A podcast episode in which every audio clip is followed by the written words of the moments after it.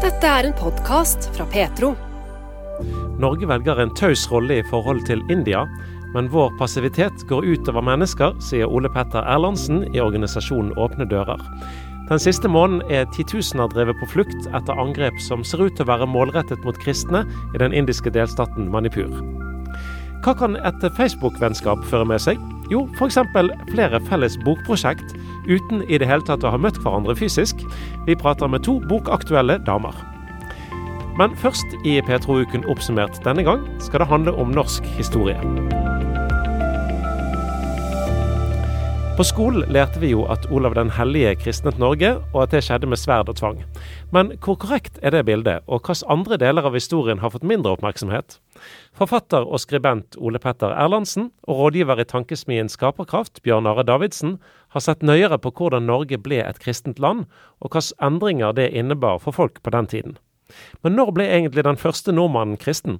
Det er et veldig godt spørsmål, og jeg har lekt litt med den tanken. fordi det vi vet om norsk historie, er at vi har hatt leiesoldater i romerske hærer tilbake til i hvert fall 300-tallet. Så da kan det jo faktisk tenkes at det var kristne i Norge allerede på 300-tallet. Ikke mange, men kanskje en håndfull. Og, og, det at disse var da, var ikke sikkert det var så veldig bærekraftig over tid, for det var liksom ikke noe kirke i landet. Kanskje var det nettopp de Åsa-truende som da fikk fordrevet de kristne opprinnelig. Og så kom man kanskje tilbake 300-400 år senere med en ny kristen eh, gruppe, som så fikk utvikle seg over tid i, i landet. Ja, for det har jo vært altså f.eks. kristen misjonsvirksomhet her, kan, kan en se rester av, kanskje?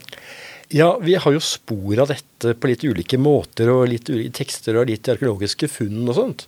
Og Muligens begynte det faktisk allerede på 600-tallet, men det vi vet sikkert, er at på 820-30-tallet så kom Ansgar på oppdrag fra lenger sør i Europa til eh, både Danmark og, Sverige. Må også utvilsomt ha møtt uh, norske eller norrøne fra det som nå er Norge, da. Uh, og, og, han uh, hadde nok en viss effekt. Og det ble bygget kirker i ulike deler av bl.a. Danmark. Hedeby f.eks. på 800-tallet. Men eh, Ole Petter, du nevnte for meg at, at i norske graver som har funnet ting som, som kanskje kan spores tilbake til, til, kristne misjonærer som har kommet på besøk? Ja, ting som man har, tidligere har trodd har vært eh, tatt fra irske klostre. Det hevder i hvert fall noen nå at ser mer ut som kan være tatt fra munker på tur. Altså at det mer er reiseskrinet til, til disse munkene og misjonærene som har vært tatt, og, og, som så har blitt brukt, og som så har havnet i norrøne graver. Så eh, det vi vet, i hvert fall i, i Sør-Vestlandet, så var det jo anglikanske og keltiske eh, munker som reiste. De, altså Irerne de, de heiste jo seil og, og, la ut i tynne, skrøpelige båter og, og ba til Gud og sa 'Ånd, led oss dit du vil'. Og så er det sannsynlig at noen havna i Norge. Bl.a. stedsnavn kan tyde på det. Og så aner vi ikke om, de, om, om, om, det de gjorde hadde noen varig virkning eller ikke, men sannsynligvis siden altså, Vestlandet er den første delen av, av Norge hvor, hvor, det faktisk er mange kristne. Det er jo litt sånn Sporadiske drypp med, med misjonærer er jo én ting, men, men uh, før Olav den helliges tid så var det vel Eh, fantes det nok kirker f.eks. før 1030? Eh, det gjorde det. Og vi har vel spor av kirker tilbake til slutten av 900-tallet arkeologisk. Og er det også sånn at i tekstmaterialet, sagaene, blir det sagt at Håkon den gode bygget kirker. Men der vet jeg ikke om vi har funnet noen ennå. Eh, det kan være de ligger under senere kirker. Det, det som i hvert fall er et poeng her, er at vi har antagelig hatt en ikke helt ubetydelig andel av kristne i Norge på 900-tallet. Hvis vi tenker oss at med Håkon den gode, som da ble kristen i England i sin uh, ungdom, uh, så kom han tilbake til Norge med biskoper og, og kanskje misjonærer, og flere rundt seg som var kristne. Og så hadde du allerede hatt en påvirkning på Sør-Vestlandet, kanskje i Viken. Så la oss bare si et tall, at det er 5-10% kristne i Norge, på, i, i Sør-Norge på denne tiden. Så hadde du alle slavene, alle trellene. Ja, For de var det en del av? Ja, de var det. Litt vanskelig å vite, men sånn 20 kanskje noen sier 30% Og hvis de fleste av dem var kristne, så må vi regne med at kanskje 30% av befolkningen i Norge var kristne på 900-tallet. Ikke at Norge dermed var et kristent land, men at det var faktisk, det er ikke sikkert det var veldig mange flere bekjennende kristne i Norge på 2000-tallet enn det var for 1000 år siden. Mm. Vi må jo regne med at disse trellene som da var i Norge, de har jo hatt øvd en viss påvirkning på sine eiere og, og, og eh, omgivelsene rundt. Noen av dem var jo munker. De hadde viet sitt liv til Gud, og så blir de altså tatt om å slave på jordene eller passe husdyr eller et eller annet. Og eh, bare betegnelsen som han brukte på frelse etter hvert, det er jo det samme ordet som altså det, er, det er frihals. Altså det er en slave som har fått tatt av eh, slaveringen som han egentlig var dømt til å ha rundt halsen. Og det må jo bety at man har jo hatt en forståelse av at de kristne eier en frihet som som er tilsvarende det en slave som faktisk blir satt fri. Neste år skal det markeres at det er 1000 år siden Olav den hellige innførte kristenretten på Moster, noe som anses som starten på rettsstaten Norge. Ole Petter Erlandsen har interessert seg for tematikken i lang tid.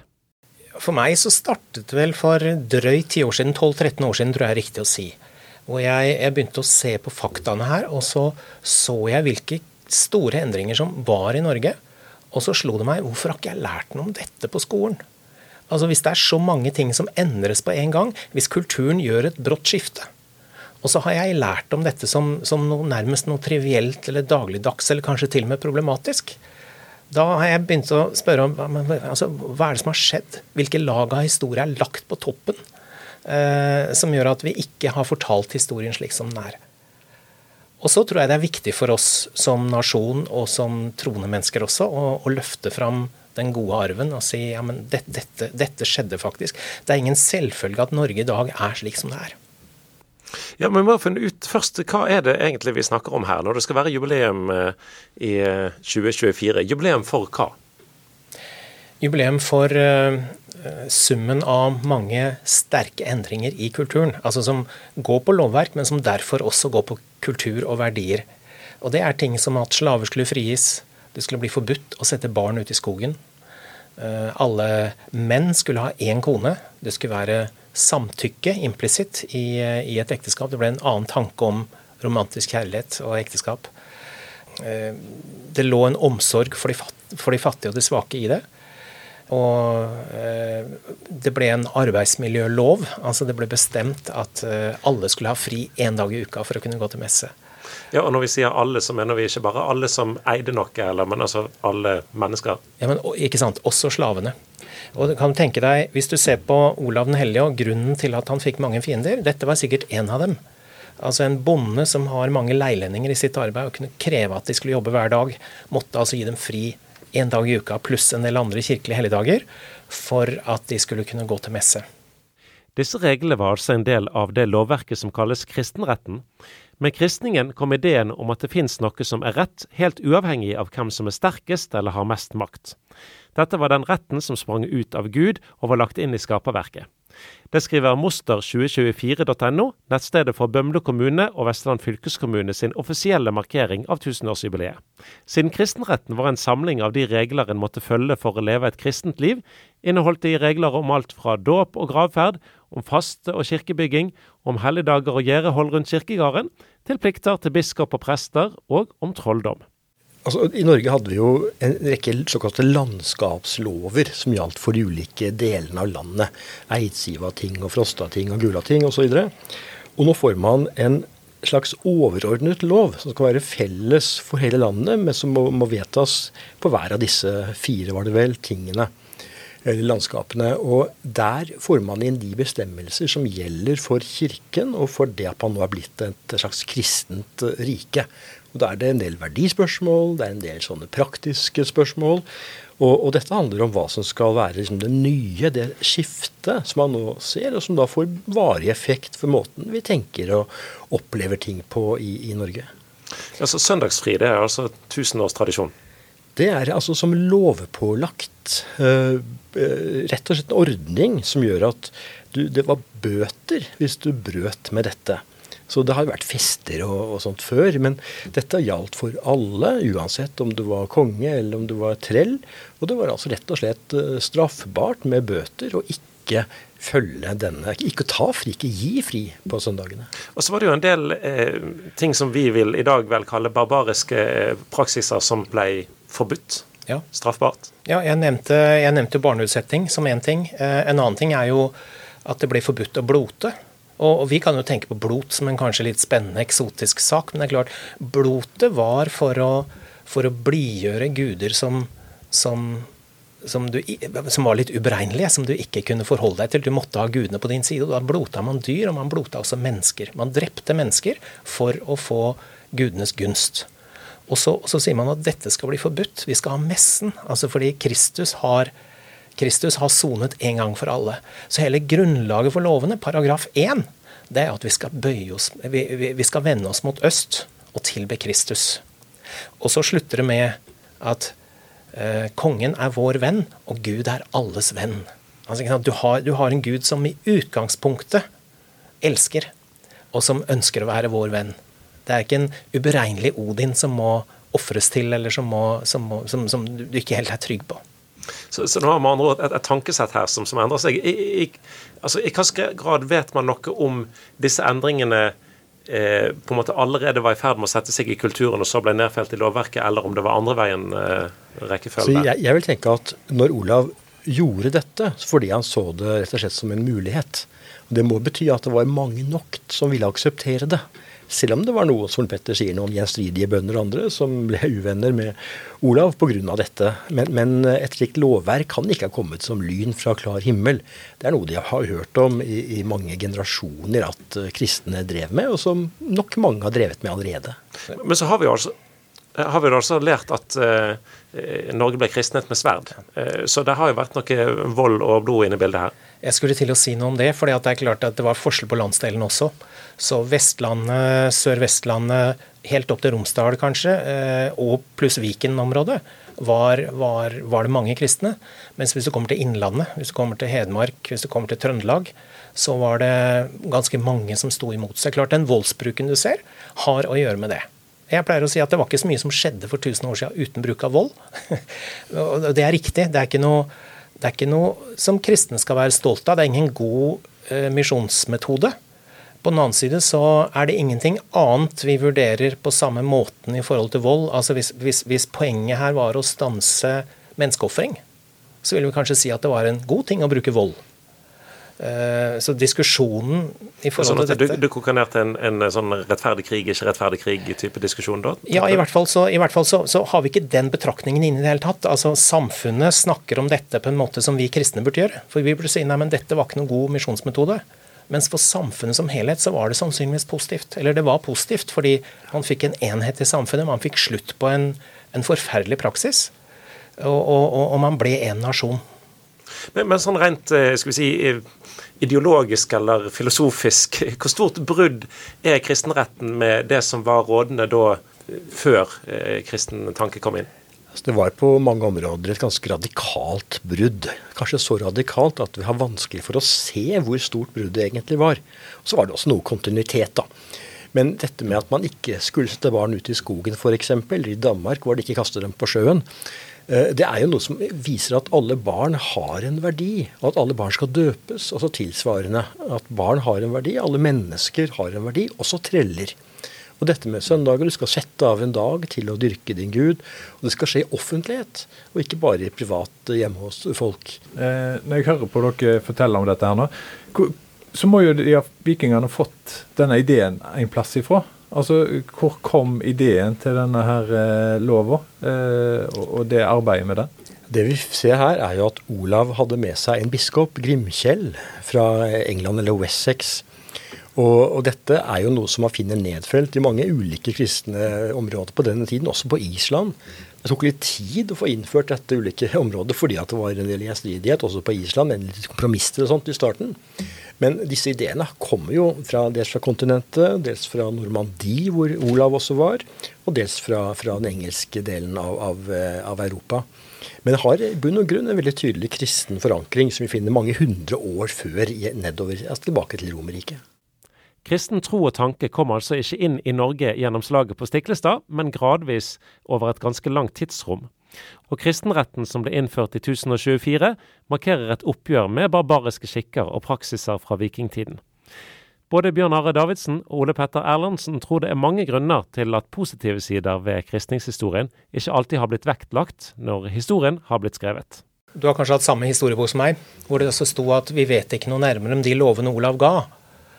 Eh, og, punktum. Og så sto det ikke noe mer. Altså, det har vært så nedtonet at, at det har blitt et ingenting. Men, men det, det, er jo en grunn til at det har blitt sånn også, selvfølgelig. Ja, Og hva, hva er den grunnen? Ja, den eller de grunnene. Altså, det er så mange som har hatt en slags historie av å glemme både Olav og, og kristenretten, at det har blitt uh, det har lagt seg mange lag oppå historien, altså historie oppå historie, som har gjort at dette har blitt uh, duset ned. Så vi kan vel peke ut reformasjonen kanskje som den første synderen, altså hvor Olav skulle glemmes. og og det nye Norge oppsto ved reformasjonen. Ja, for det, for det var jo en, en, en, eh, veldig sterk fiendtlighet mellom protestanter og katolikker i, i, lang tid. Ja, ja. Og så lenge at når det var snakk om å hente fram Olsok som, eh, som en dag man skulle feire igjen, så var det en del motstand mot det. Man var redd for at katolikkene skulle ta, ta revansj, på en måte. Det var, det var jo forbudt med, Helt fram til 1950-tallet så var det forbudt for jesuitter å komme til Norge. Selv om det kanskje var en død bestemmelse, men, men, men likevel. Den antikatolske stemningen i Norge har vært ganske sterk. Ja, Vi har jobbet en del med dette her sånn i min sammenheng, bl.a. i Tankesmien Skaperkraft, hvor jeg jobber som rådgiver. Og i et annet sted som heter Fagsjekk, hvor jeg er redaktør. og Vi ser på populærvitenskap og læremidler. Og det vi ser er jo at det er et enormt behov for å løfte fram denne historien. Fordi at det er så mange forskjellige forhold som har gjort at den er blitt uh, gjort til en trivialitet eller noe negativt. Slik at uh, når vi ser på liksom, fortellingene vi har om middelalderen, som den mørke middelalder, er det ofte en veldig sånn speiling av hvordan protestantisk propaganda var mot katolikker på 1600-1700-tallet ofte engelsk propaganda mot spansker. For Det var liksom England og Spania som de to store rivalene. Og denne ble så senere adoptert av fritenkere og ateister og kommunister, og til og med nazister, noe av dette. Og, og vi lever med den i dag. Eh, så, så, protestant, altså Reformasjonen har da altså hatt en, en, en bakside her som, eh, som, gjør at vi har glemt deler av historien.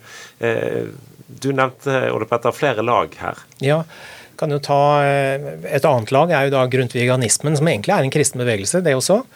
Men som, eh, som la så stor vekt på det nasjonale at, at, at, man skapte en slags syntese tilbake til våre gamle norrøne røtter. De er opptatt av Odin og Jesus. Sånn. Selv om det ikke er så lett å forene, så klarte man å få til en slags harmoni. Altså at våre, våre åndelige gener sånn sett er tilbake til den norrøne verden. Eh, og det gjør jo at man kanskje duser ned det litt radikale bruddet som var, og det, den retningsendringen som jeg har snakka om nå. En annen ting som vi prater om, er jo at uh, litt den her brent barn skyr ild. Altså at, at, mennesker som har, uh, har hatt rett og slett vonde, dårlige erfaringer med kristne mennesker og, og kristen tro, og tar avstand ifra det. Kanskje ikke har hatt eh, veldig si, motivasjon for å løfte fram eh, positive sider ved, ved kristen ideologi og tanke. Har man sterke negative opplevelser av kristen eller kristen tro i dag, så er det veldig vanskelig å skrive objektivt og nøytralt og ikke minst positivt om kristne i fortiden. Og det vi ser også i en sånn luthersk sammenheng, protestantisk i Norge, er jo ikke det at nødvendigvis har noe galt med teologien, men at det var et veldig behov for å markere avstand til det tidligere, for liksom å fremme det nye protestantiske. Og det gikk så langt at kongen tok jo makten, mens det før hadde vært altså kongen og kirken som på en måte balanserte hverandre en del, hadde litt samarbeid og en til motstand. Fikk man nå en konge som styrte hele kirken. Og først med vekkelsesbevegelsene på slutten av 1700-tallet og første halvdel av 1800-tallet fikk vi en ny motpol da, som fikk løftet fram eh, det mer åndelige eh, slags eh, behovet som, som, var blitt borte litt med denne monoteistiske eh, staten som, som, styrte alt. Og alt dette jo gjorde at det ble veldig sånn opposisjon mot hele den lutherske enhetsstaten, og dessverre også mot vekkelsesbevegelsene. For de tok liksom litt, ble litt for ivrige igjen. Så pendelen svingte kanskje andre veien.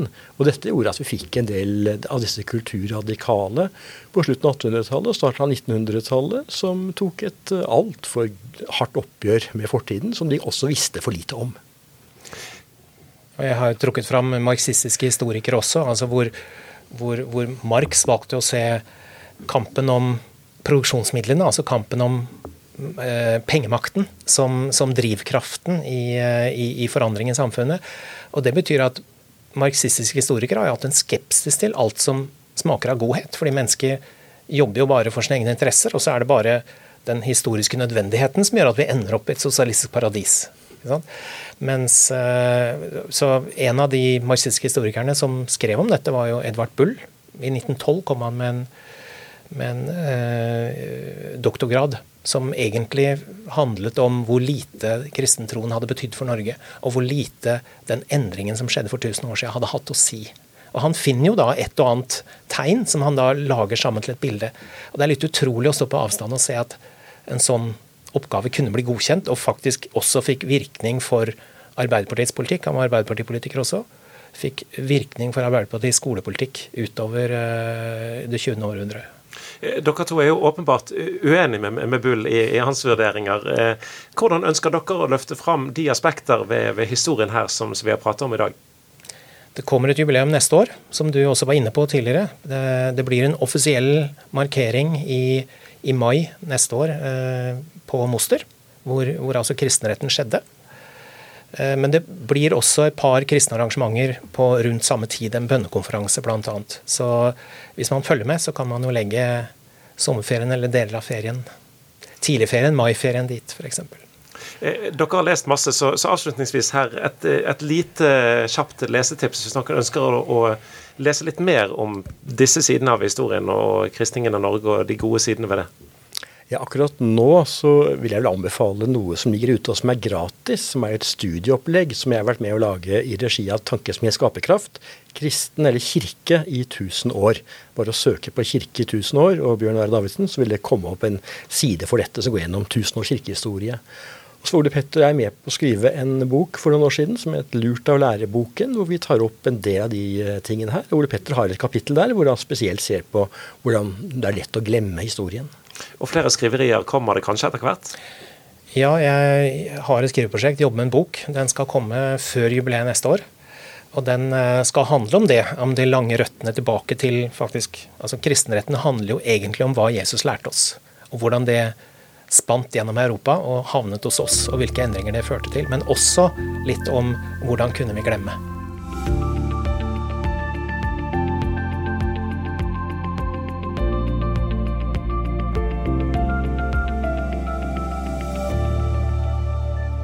Hva kan et vennskap på Facebook føre med seg?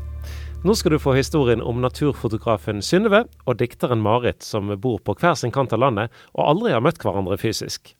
Men det 13 år lange Facebook-vennskapet har blitt til to bøker med dikt og bilder, bøker som i høyeste grad er fysisk. I disse dager er Synnøve Grøtland Helland og Marit Rui aktuell med tittel 'Speilvendte øyeblikk'. Her forteller Synnøve hvordan det hele startet. Det var i 2010. Og, og det, det, var jo dattera mi som fikk meg inn og mente jeg måtte inn på Facebook. Og, og jeg var ikke Ja, det, det ble iallfall sånn at hun ordna det. Men, men, det som jeg ikke visste, det var jo at, da, jeg, ja, at når jeg delte naturbildene mine der, så det var jo det jeg gjorde, for jeg, jeg har fotografert all min tid siden jeg var ti år.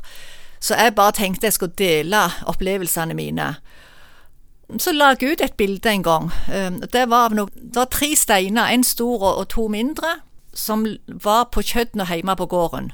Og det var blikkstilt, og det var skodd, og jeg var nede med kamera. Det jeg ikke visste, var at det, det skulle komme altså et dikt til det bildet. Det var den spede starten på kontakten mellom Synnøve Grøtteland Helland fra fjellgarden Grøtteland i Bjerkreim i Rogaland og Marit Elisabeth Rui fra Tønsberg. En Facebook-kontakt eh, som skulle bli bok, ja bøker, med dikt og bilder. I 2011 kom de ut med tittelen I ditt lys, og nå er de altså aktuelle med boka Speilvendte øyeblikk. Men disse to kvinnene har aldri møtt hverandre fysisk, og det har sin årsak. Ja, altså, hun har jo Ja, hun har ME, og er Ja, hun er, veld, hun er egentlig veldig syk. Og det er jo sykdommen hennes som gjør at det ikke er så lett å treffes. Men vi har lyst til å treffes, det har vi sagt. Vi har jo sagt det nå i er det 12-13 år vi skal treffes. Men altså, jeg tror det skal bli en gang. Men, men det at nå har det vært litt stilt de, mellom oss når det gjelder dikt nå på disse tolv åra siden den første boka kom ut. Men, men, det var vel for to år siden nå vi, vi snakket om det, at det, da var det en gang jeg var på et fjell, og så kjente jeg bare at det, nei, nå skal Marit Rui få dette her. Hun skal få, Jeg skal dele den opplevelsen med hun. Jeg fikk en innskytelse og sendte bildet til hun på, via mobilen. Og ikke visste jeg at da når jeg da gikk på neste tur to dager etterpå, så, så plinger det på mobilen, og jeg tenkte hvem er dette? Det, vi tenker jo alltid sånn. Men sannelig meg, skumringstimen, tenkte jeg, oi sann, det er Marit Rui, nå har hun sendt. Og jeg måtte sette meg Det er ikke sånn at jeg bare leser dikt, og så går jeg videre. Jeg setter meg rett, rett ned på ei tue, og så så tar jeg opp kaffen, og så jeg nyter diktet. Jeg leser det om igjen om igjen i stillheten alene på fjellet. Det er helt sterkt. I skumringstimen en sommernatt vandrer jeg stille i skog og kratt. Mot fjellets høyder stiger jeg opp og priser Gud med hele min kropp. I skumringstimens gråtoneskinn speiles Guds himmel i mitt sinn. Blant dansende myrull bøyer jeg kne og hviler i Skaperens kjærlighet. Så det var jo det første diktet som kom nå etter de tolv åra, men jeg har aldri spurt om dikt. Jeg spurte ikke henne om dikt når jeg sendte det der bildet med, med, med vannet og myrulla som, som, som, var i, i, skumringen i kvelden på sommeren. Men det er klart, etter hvert, så når vi da hadde ja, sett at nå kom det et dikt, så, så er det jo utrolig gildt. Og, og, det er jo mest sånn at da, eh, da kjente jeg at åh, tenk hvis jeg får rett til, tenkte jeg. Men jeg maste aldri. Jeg spurte, jeg tror ikke jeg spurte om dikt, nei. Men jeg sendte jo fortsatt opplevelsene mine, og sa, bare ville dele med hun. Og så begynte det jo mer og mer. Og, og det er klart, jeg, jeg, tok jo vare på de. Jeg samla på det som skatter, altså. Jeg gjorde det. Plutselig, når vi hadde holdt på litt med dette her, og så, og så sier vi til hverandre at du, herlighet, jeg lurer på Det ser ut som vi har begynt med en ny bok. Så lo vi litt. Ja, det, det, det ser mest sånn ut. Så, ja, ikke sant? Altså, Vi har en humor òg, og så tenkte vi for Det var akkurat som dikt Vi hadde ikke planlagt bok, men dikta blir bare Akkurat som det, det lager seg. Uh, vi har begge følt på en, rett og slett en velsignelse i dette vi har holdt på med. En stor velsignelse, vil jeg si, dette har vært. At jeg får dikt og hun sier òg at det betyr så mye i hverdagen hennes når hun bare er inne, at jeg plutselig kommer sendende med fire-fem naturbilder inn på rommet hennes. Du, Dette er da bildet for fra naturen du ja. tar i ditt nærområde i Bjerkreim, ja. Synnøve Grøtland Helland. Og så er det da dikt som handler om livet, og ikke minst gudstrua. Ja. Fortell litt hva dere ja. ønsker å formidle. Ja. Ja, det er jo dette med, med, med at Gud eh, At vi, vi er ikke alene her på denne jorda. Altså, vi har en som, som, som, som er der, som, passer på oss. Og vi har lyst til å, minne om dette i dikt og bildene, at, da, at, da, at da, vi, vi, ønsker å speile Gud i dette her. Speile på en, på en måte evangeliet i dikt og bilder. Sånn at vi, vi setter litt farge på på dette her. Så vi omgir, vi omgir oss jo med, med skaperverket i alt vi gjør.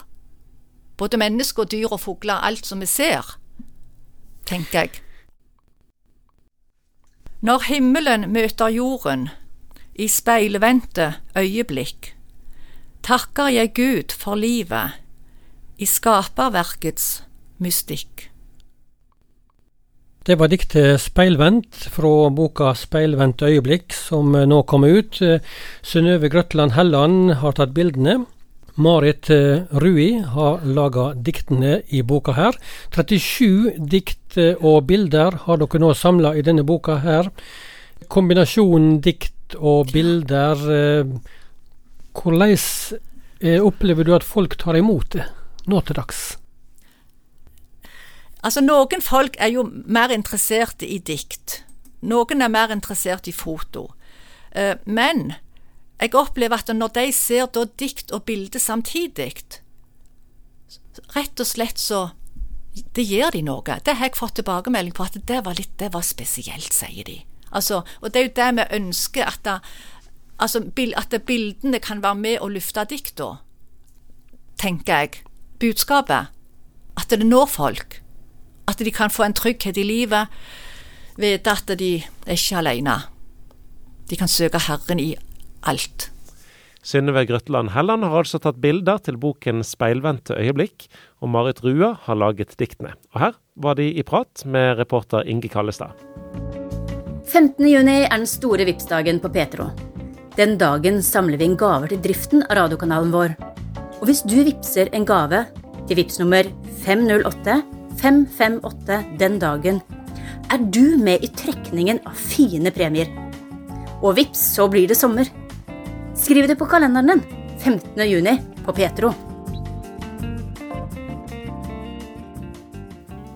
Siden begynnelsen av mai har tusenvis av mennesker, de fleste av de kristne, flyktet, mens eh, hjemmene deres, forretninger og kirker har gått opp i flammer i delstaten Manipur helt øst i India. Det som startet som en konflikt rundt urfolksrettigheter, eh, blir fyrt opp av voldelige hindunasjonalister i en miks av både religiøse og etniske motsetninger. Faglig leder Ole Petter Erlandsen i Åpne dører sier at urolighetene pågår fremdeles. Det pågår fremdeles, ja. Eh, men samtidig så er eh, hele delstaten stengt for Altså internett er nede, og det er, det er dårlig med kommunikasjon. Så det er vanskelig å vite akkurat fra øyeblikk til øyeblikk hvordan, hvordan ståa er. Det er et komplisert bilde, og ikke uten videre enkelt å sette seg inn i hva som foregår i Manipur nå. I tillegg er det altså vanskelig å få ut sikker informasjon siden internettforbindelsen til tider er stengt. Noen forbehold må dermed tas. Det ser ut til at hindunasjonalister målrettet angriper kristne mennesker og institusjoner i flere folkegrupper, men særlig kukiene. Åpne dører rapporterer om angrep mot rundt 300 kirker, mens Stefanus Eliansen skriver at 120 kirker er brent ned. Mange titalls mennesker skal være drept, og kristne institusjoner som skoler og seminarer er òg angrepet.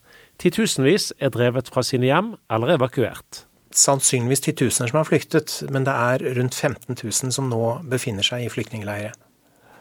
Ja, og Hvor er disse flyktningleirene? Altså, hvor, hvor uh, har folk muligheten til å rømme? Ja, De er opprettet i full fart av, uh, av den indiske hæren. Så de har på en måte tatt ansvar for akkurat den biten. Men ellers har jo oppfølging etter det jeg forstår fra, fra myndighetshold vært ganske mangelfull her? Ja, altså definitivt. Det man savner er jo en kraftig reaksjon fra myndighetene. Både rent faktisk med å foreta seg noe, men også med å fordømme angrepene. Men altså 300 kirker, og, og private hjem. Men, men, dette er jo et område som har pleid å være veldig rolig? Ja, det har vært en stor, eller er en stor andel kristne der. Det er eh, rundt 40% hinduer og rundt 40 eh, kristne. Altså det er helt, helt likt. Eh, og det har, det har, ikke vært det har ikke vært noe voldelig angrep å snakke om i den regionen. Så det, det ligger jo, men det ligger en etnoreligiøs konflikt, som vi sier, i bånn. Altså fordi eh, grensen mellom de kristne og hinduene følger i stor grad etniske linjer. Og det er, en, det er en konflikt mellom det som egentlig er stammefolk, som da i stor grad har blitt kristne, og de som er, eh, bor i lavlandet, som, som er, i stor grad er hinduer. Ja, og Her er det da altså diskusjoner, eh, altså det er endringer på gang eh, i, i lovverk og gjelder rettigheter for urbefolkning osv.? Ja, det er klart. altså India er et komplisert land. Det er et komplisert land å styre. Og noe av det myndighetene har gjort opp gjennom tidene, er å gi disse stammefolkene noen særretter. Fortrinnsrett til skoleplass, noen støtteordninger og sånn. og det har vært kalt enten for scheduled tribe i dette tilfellet, altså at det er etniske grupper, eller at det er scheduled cast, altså at de er kaster som er eh, underprioritert, altså de kasteløse. Noe av det som har skjedd her, er at majoritetsfolket, meiteiene, som egentlig er hinduer, de har også forsøkt å få til å bli, bli eh, scheduled tribe, altså bli regnet som urfolk. Og det betyr at hvis alle har et privilegium, så er det egentlig ingen som har det. Og så har indiske myndigheter forsøkt å tvangsflytte disse kukiene, som det har vært eh, strid om nå, fra de områdene de har bodd i masse hundre år, under påskudd av, av landskapsvern. Og så har det altså bare på noen uker blitt så mange, mange angrep og, ja. og, en del titalls drepte, som du forteller om, eh, i et område som har vært relativt rolig. Hva har skjedd? Det har litt å gjøre med de lange linjene i, eh, i indisk eh, politikk. Hvor du har ganske mange hindutva-tilhengere, altså hinduekstremister, som vil at India skal være et hinduistisk land, punktum. Og vi vet at disse planla et angrep allerede i mars-april. Mens den utløsende årsaken nå, det var egentlig kukiene som demonstrerte for sine rettigheter, sine urfolksrettigheter. Det var en fredelig demonstrasjon, og så kommer altså provokatører inn og ødelegger, setter fyr på en del stoler, og så er det et veritabelt angrep mot kristne. Ikke bare de kristne i kuki-folket, men også blant meiteiene. Og det viser at dette strekker seg mye lenger enn bare til en ren etnisk konflikt, som man ellers kunne påstått at det var. Er dette en situasjon som kan tenkes å roe seg ned, eller eh, ser vi starten på noe som kan bli en, en langvarig konflikt? Du vet, eh, Det som ofte avgjør, det er myndighetenes reaksjon. Og det som bekymrer her, er jo at myndighetene er så passive. Altså både delstatsmyndighetene, som er styrt av hindunasjonalister, og føderasjonen India, som også er styrt av hindunasjonalister. Så når de ikke sier noe, når, når man ikke griper inn, når ikke, når ikke, politiet foretar seg noe, så langt vi har skjønt, ikke arresterer disse det gjelder, så er jo spredningsfaren ganske stor. Så vi har hørt allerede at, eh, at det er tillyst demonstrasjoner i Assam, og, og at, at, det der også er meiteier som, som, ønsker å, å promotere dette og, og, føre dette videre. Og vi vet at den type eh, agg mot de kristne, det finner vi mange steder i India. Så sånn sett så er også spredningseffekten til stede. Kuki-folket, som står i kjernen av konflikten i Manipur i dag, er et i all hovedsak kristent folkeslag. Misjonshistorien strekker seg ikke så veldig langt tilbake i tid, bare drøyt 120 år, forteller Ole Petter Erlandsen. Ja, Det var jo misjonærer fra flere områder som kom til disse randsonene, kan man si, i India, som ligger mot, eh, eller på grensa mot Myanmar. Eh, og til Kuki-folket, som, som, akkurat nå er i ilden, så skjedde altså den første dåpen i 1901.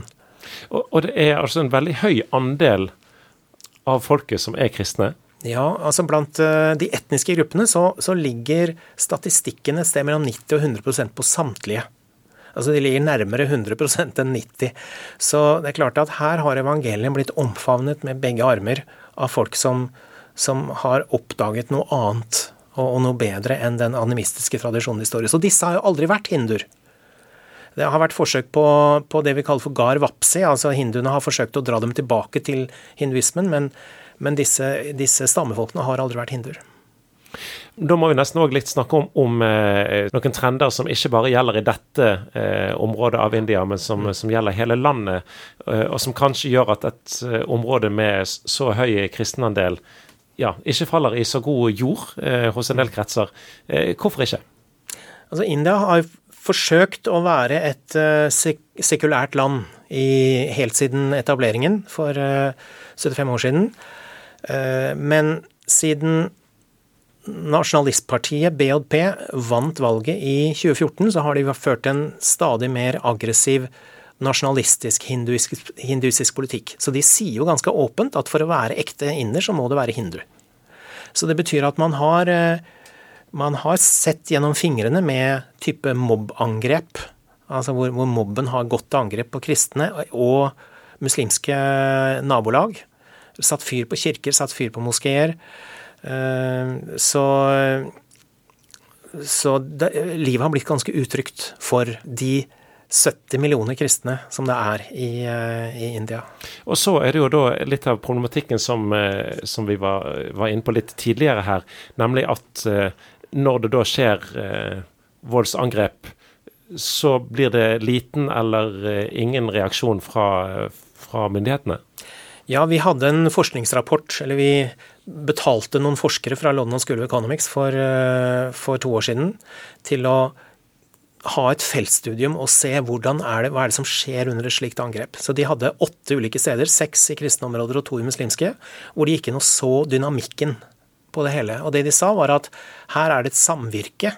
Ikke en bevisst planlegging nødvendigvis, men det er et samvirke mellom sosiale medier, eh, politi, myndigheter, trykte medier, som gjør at eh, det planlegges et angrep, det legges ut på, på, sosiale medier. Ingen sensurerer eller fjerner slike meldinger. De går til angrep. Politiet enten er passive, eller de arresterer de som, som det blir begått overgrep mot i stedet.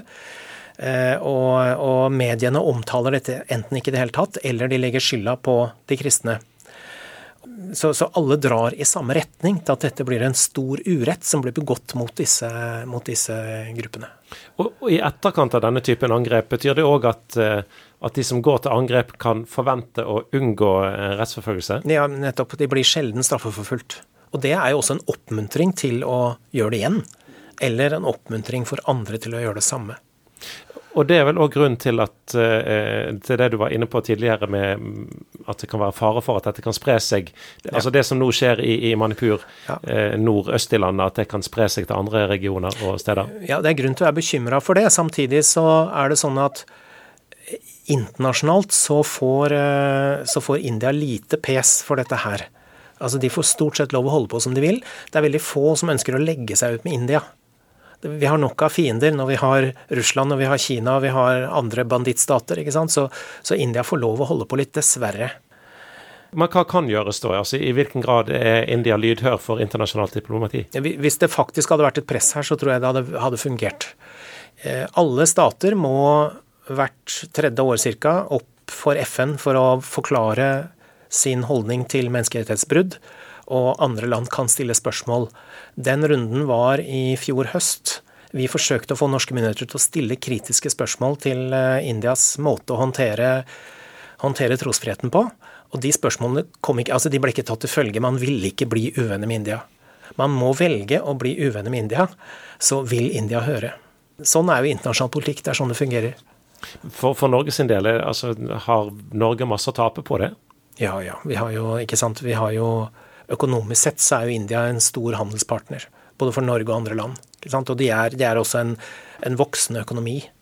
Så eh, det er som, fra kommersielle grunner ingen grunn til å skulle legge seg ut med India. Og det vil vel da òg gjelde eh, andre aktører internasjonalt trenere, med, ikke bare Norge? Ja, altså De som ville hatt råd til å legge seg ut med India, måtte vært Norge. Og vi har valgt å bli ganske tause i forhold til Kina, og, og vi velger en ganske taus rolle i forhold til India også.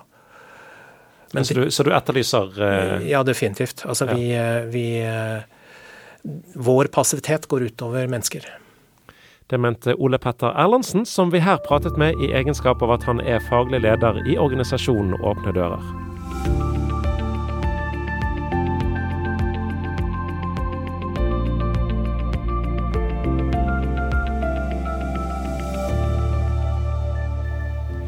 En av bibeltekstene som skal brukes i Den norske kirke sine gudstjenester kommende helg, inneholder bl.a. misjonsbefalingen, altså det bibelsitatet der Jesus gir sine disipler beskjed om å gå ut og gjøre alle folkeslag til sine disipler. Denne og andre bibeltekster er bakgrunnen for eh, denne ukens refleksjoner fra Frank Borhaug. Kjenner du spenningen? Du følger med på klokka. Du er på vei til avtalt møtested. Rekker jeg det? Kommer jeg veldig for tidlig? Kommer han? Vil hun møte opp? Og hva skjer da? En forventning, samtidig en spenning i forhold til hva som kommer til å skje. Det ble gjort en avtale, eller du fikk kanskje bare beskjed om å møte opp der og der, da og da. Eller kanskje var du den som med håp og forventning ba om å få møte vedkommende akkurat der, akkurat da. Møter han opp slik du håper? I søndagens prekentekst er det Jesus som har bedt disiplene om å møte ham ved et bestemt fjell i Galilea.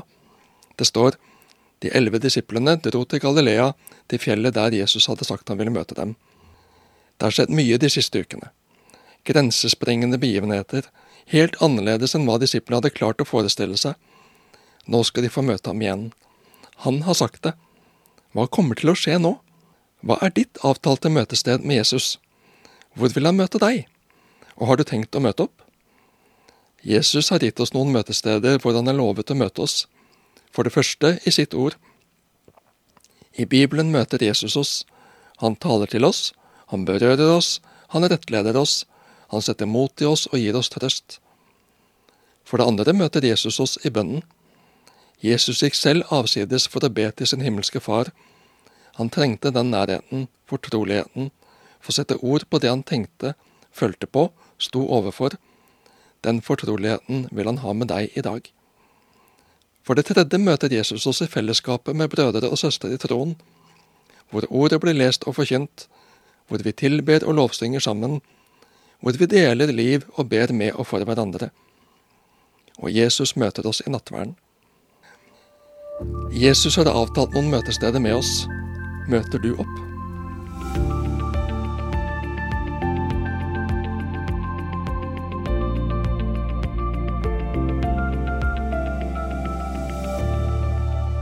Noen ganger ser vi motsetninger som egentlig ikke er motsetninger. Jeg så sorg i et menneske som egentlig hadde all grunn til å være glad, men så var det bare at vedkommende var tankefull. Noen ser motsetninger mellom tro og vitenskap, men i virkeligheten utelukker de ikke hverandre, men forholder seg til forskjellige nivåer og perspektiver. I søndagens prekentekst, hvor disiplene møter Jesus på fjellet i Galilea, står det, og da de fikk se ham, falt de ned og tilba ham, men noen tvilte. Går det an å tilbe og tvile? Er ikke det rake motsetninger? Nei, det behøver absolutt ikke å være motsetninger. Tvilen kjemper. Tvilen vil tro, men er usikker. Er det sant? Er det virkelig? Kan det virkelig være tilfellet? Det blir for mye, liksom. Det er mer enn en kan fatte og begripe.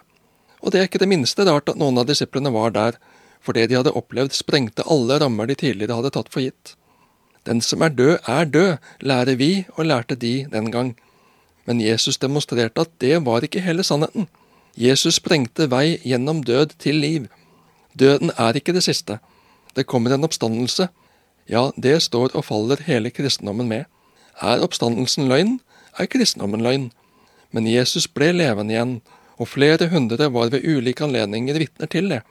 Jesus seiret over døden, og Bibelen forteller at en dag skal alle stå opp, enten til liv med Gud eller fortapelse borte fra ham. Og det avgjørende er hvordan en stiller seg til Jesus. Det er ikke rart at det blir mye for flere av disiplene. Dette er hendelser som omkalfatrer vår virkelighetsforståelse.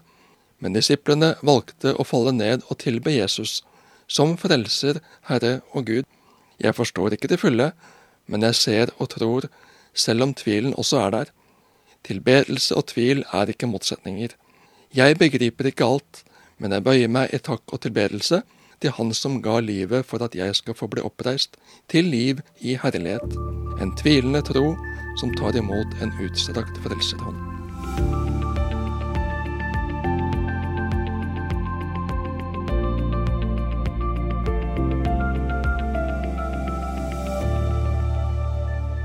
Jeg blir litt forbeholden i møte med ordet makt, for jeg kommer på flere eksempler på hvor makt ble misbrukt. Makt ble brukt til egen vinning og på en slik måte at det gikk ut over andre mennesker. Vi snakker om maktmisbruk. Politikk handler om å søke makt, og det er jo ikke galt å søke makt og bruke makt, så lenge det skjer til gode for mennesker. Makt til å legge til rette for at gode ting kan skje. Vi kan vel egentlig kjenne på ønsket om makt noen og enhver, samme hvor forsiktige og tilbaketrukne vi er som mennesketyper, for vi ønsker jo å få vår vilje. Makt til å stå for og gjøre det vi har lyst til å tro for. Makt til å gjøre nettopp det. Det ligger jo i vår menneskenatur.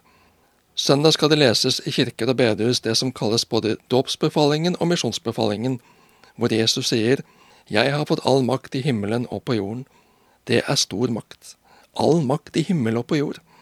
Jesus påberoper seg rett og slett å være historiens herre, og den makt ble han gitt av Gud vår Far da han døde på korset, men seiret over døden. Ved sin død lot Jesus dommen for all urettferdighet ramme seg.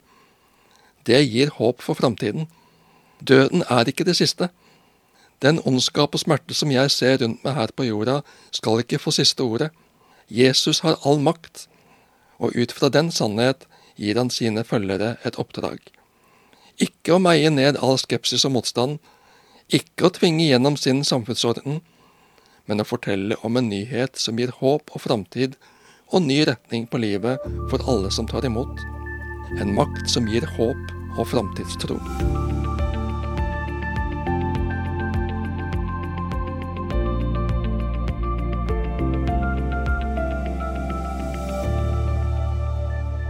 Jeg har ikke vært lærling selv men jeg har fått leve tett på noen som har vært det. Det var fascinerende å se hvordan lærlingen ble preget av læremesteren, ikke bare i ferdigheter og forståelse av et fag, men også i tenkning, syn og standpunkter. Selv har jeg lært av mange og ble preget av mange mennesker opp gjennom livet, og blir det fortsatt, på godt og vondt. Og jeg har begynt å erkjenne at jeg også setter preg på andre mennesker, måtte det være til det gode. Å være selvstendige og uavhengige mennesker er et ideal i vårt samfunn, men underlig nok har vi vel aldri vært mer opptatt enn nå av å ha følgere og følge, se og lære av ulike personer. Influensere kaller vi mange av dem. Kanskje er vi rett og slett ikke skapt til å være selvstendige og uavhengige i for stor grad. Gå derfor og gjør alle folkeslag til disipler, sa Jesus til sine følgere før han for opp til himmelen. En disippel er en lærling, en som ser, lærer og gjør etter sin læremester. Jesus ikke bare viste sine disipler, han ga livet sitt for dem, for sine disipler til alle tider. Den kristne kirke skal være en disippelgjøringsbevegelse. Gjøre mennesker til etterfølgere av Jesus. At mennesker skal lære Jesus å kjenne, tro på ham, ta imot ham, bli preget av ham og ledet av ham. Som kristen skal jeg ikke få folk til å følge meg, men peke på Jesus. Lære dem ham å kjenne, så de kan følge ham. Bare han kan prege og lede, sette fri til et liv i sunn og livsbejaende etterfølgelse.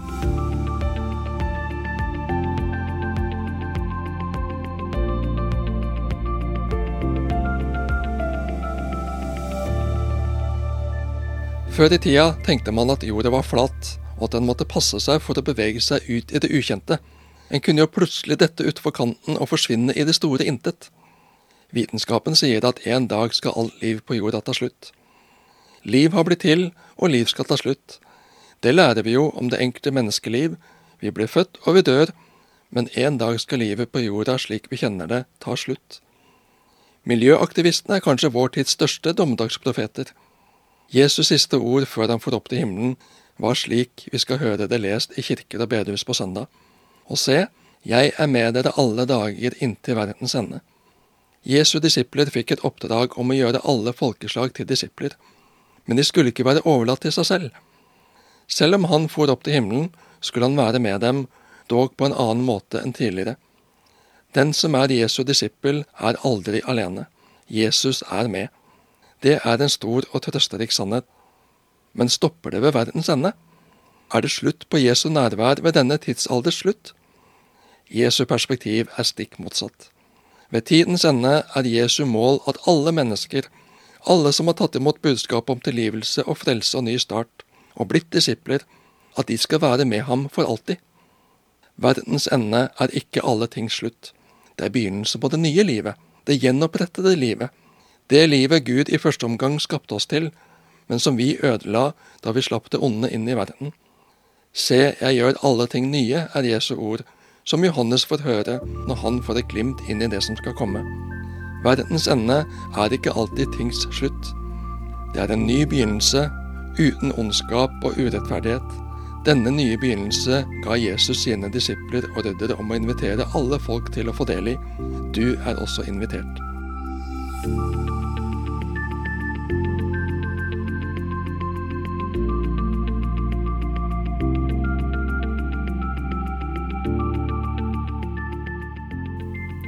Og denne refleksjonen fra Frank Borhaug ble det siste som fikk plass i denne ukens Petro-uke oppsummert.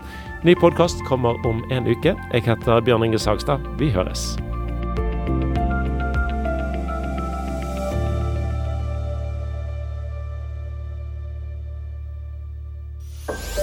Du har lyttet til en podkast fra Petro. Flere podkaster fra oss finner du bl.a. på petro.no og i Petro-appen. Der kan du også høre radiosendingene våre 24-7.